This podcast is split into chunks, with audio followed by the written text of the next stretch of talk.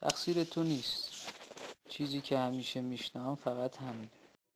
تقصیر تو نیست. یه جور بیماریه.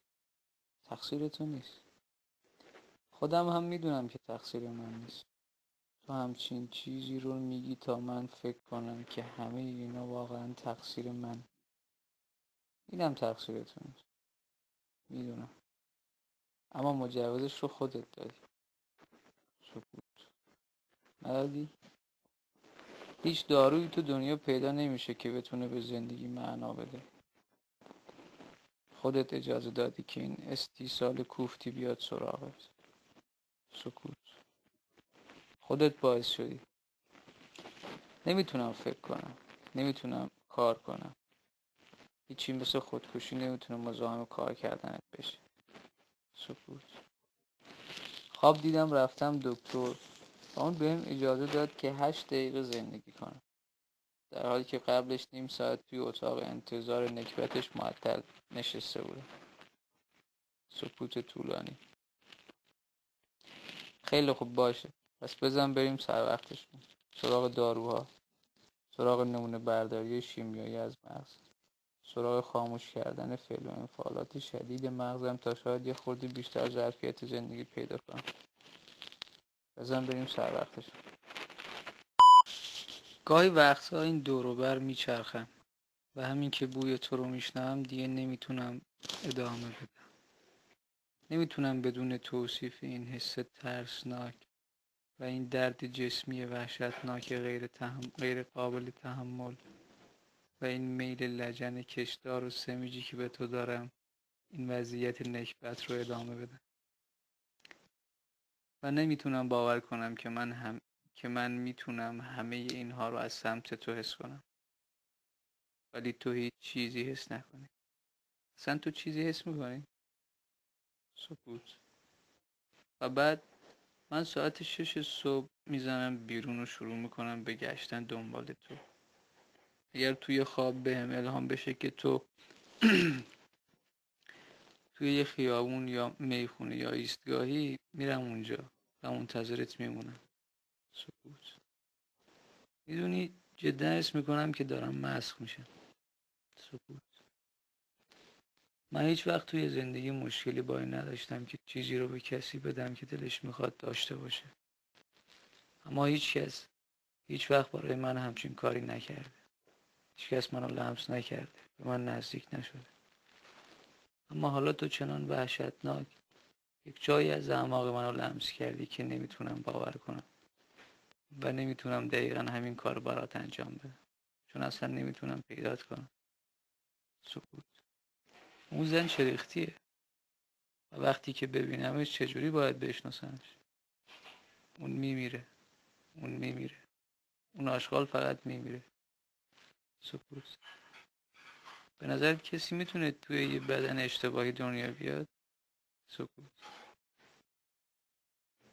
لعنت به تو لعنت به تو لعنت به تو خاطر نادیده گرفتن من با هیچ وقت نبودن است لعنت به تو به خاطر احساس مزخرفی که نسبت به خودم برام ساختی لعنت به تو برای به کسافت کشیدن عشق گفتی و نامیدیم از زندگی تا حد مرد لعنت به پدرم که برای خوب بودن گند زد به زندگی من و لعنت به مادرم برای اینکه اونو ترک نکرد اما بیشتر از همه اینها لعنت به تو ای خدا برای اینکه باعث شدی عاشق کسی بشم که وجود خارجی نداره لعنت به لعنت به لعنت به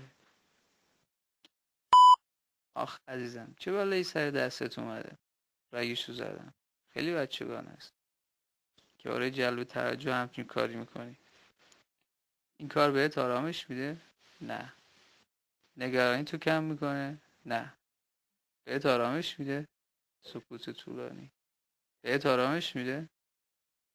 نه نمیفهمم پس چرا همچین کاری رو میکنی؟ پس ازم بپرس نگرانی تو کم میکنه؟ سکوت طولانی میتونم ببینمش؟ نه خوام ببینم یه وقت عفونی نشده باشه نه سکوت فکر میکردم که بالاخره یه روز همچین کاری بکنی خیلی ها میکنن باعث پایین اومدن تنش عصبی میشه. تو خودت هم هیچ وقت این کارو کردی؟ نه. زیادی منطقی و اصاقورت داری. نمیدونم کجا همچین چیزی رو خوندم. اما این کار باعث نمیشه تنش کم بشه. سکوت. چرا نمیتونی ازم بپرسی که چرا؟ که چرا رگم رو زدم؟ دلت میخواد بهم بگی؟ آره. پس بهم بگو. بپرس از من چرا؟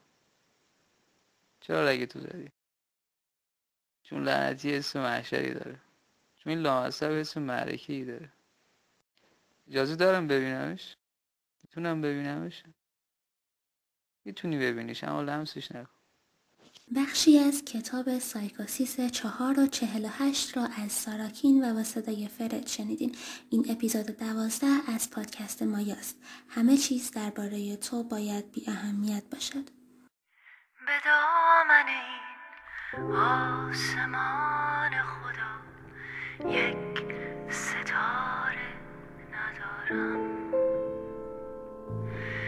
گوهر که نگو در زمان یکی سنگ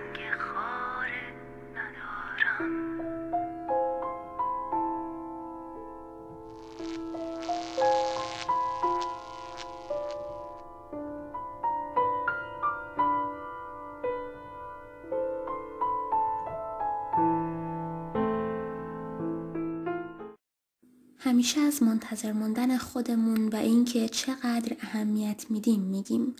تا حالا به این فکر کردین که خودمون چقدر بقیه رو منتظر گذاشتیم. درسته زمان خیلی چیزا رو نشون میده. اصلا صبر یه بحث مجزاست. بیاین الان بهش فکر نکنیم. انتظار رو نمیشه تحمل کرد. همش چشمات به دره. تازگی ها چشممون به گوشی همونم مونده. منتظریم در بزنه پیامی بده یا حداقل وقتی یه استوری کوفتی میذاریم یه ریپلای کنه واسه یه لحظه آروم شیم.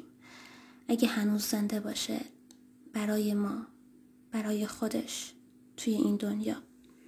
مهدی روشن روان در داستان شماره کرایوف یه قسمت دلهوره آور داره. میگه در انتظار مردن مرگ خوشایندی نیست. شنیده بود آدم منتظر وقتی میمیره هر کاری بکنه چشماش بسته نمیشه.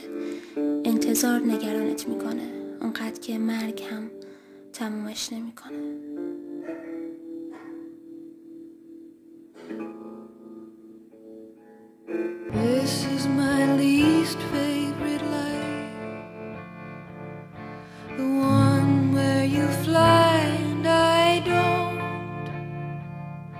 kiss holds a million deceits and a